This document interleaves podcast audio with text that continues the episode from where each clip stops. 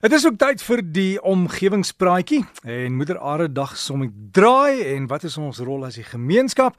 Ons sluit aan by Johan Heiselje, professor by Noordwes Universiteit. Môre professor. Goeiemôre Derrick, môre al die omgewingsvriende. Ek hoop darm almal geniet die rustigheid van die Paastyd en kry dan so tydjie om iewers 'n paar ure in die natuur te spandeer. Nou as jy nog nie planne het vir Maandag nie, dan is dit nou 'n goeie dag om iets te beplan in of vir ons omgewing, want Maandag vier ons internasionale Moeder Aarde Dag.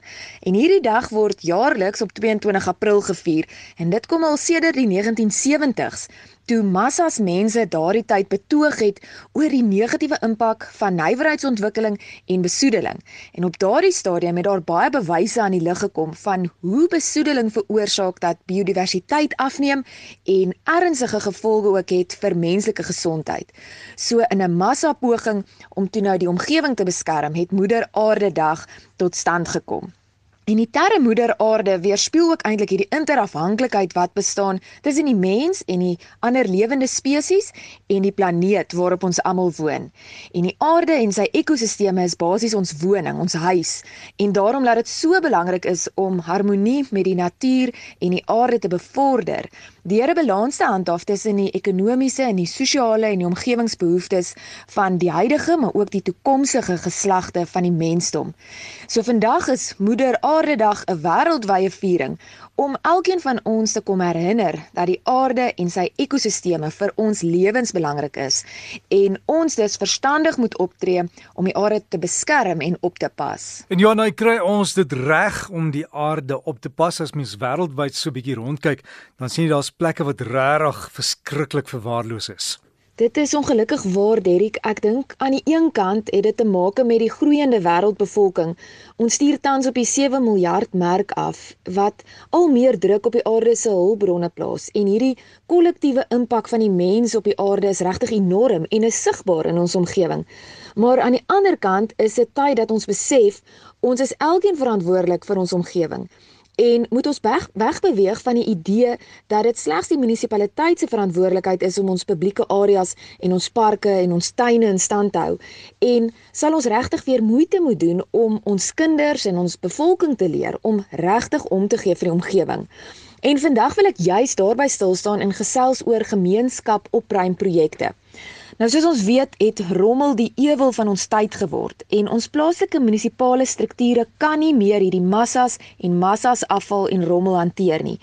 Derek en ek moet by sê hierdie is geensins 'n unieke Suid-Afrikaanse probleem nie. Inteendeel, in die buiteland is daar talle voorbeelde van soortgelyke situasies waar rommel 'n enorme omgewingsprobleem geword het, grootlik as gevolg van bevolkingstoename.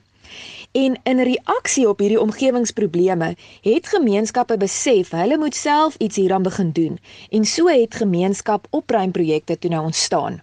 Gemeenskap opruimprojekte is op hierdie stadium al deel van baie stede en dorpe se realiteit reg oor die wêreld waar inwoners self eienaarskap neem van hulle omgewing en van die opruim en die skoonmaak inisiatiewe en waar hulle regtig baie suksesvol is met die skoonmaak en ook die skoonhou van hulle area.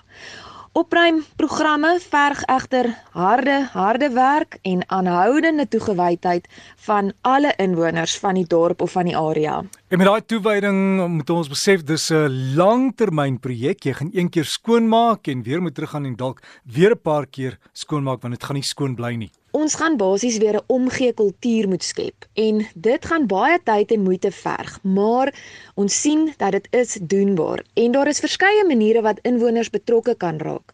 Gewoonlik in hierdie tipiese opruimprogramme is daar vier hoofkategorieë van opruim. So die eerste is die ad hoc opruim en die skoonmaak van publieke areas.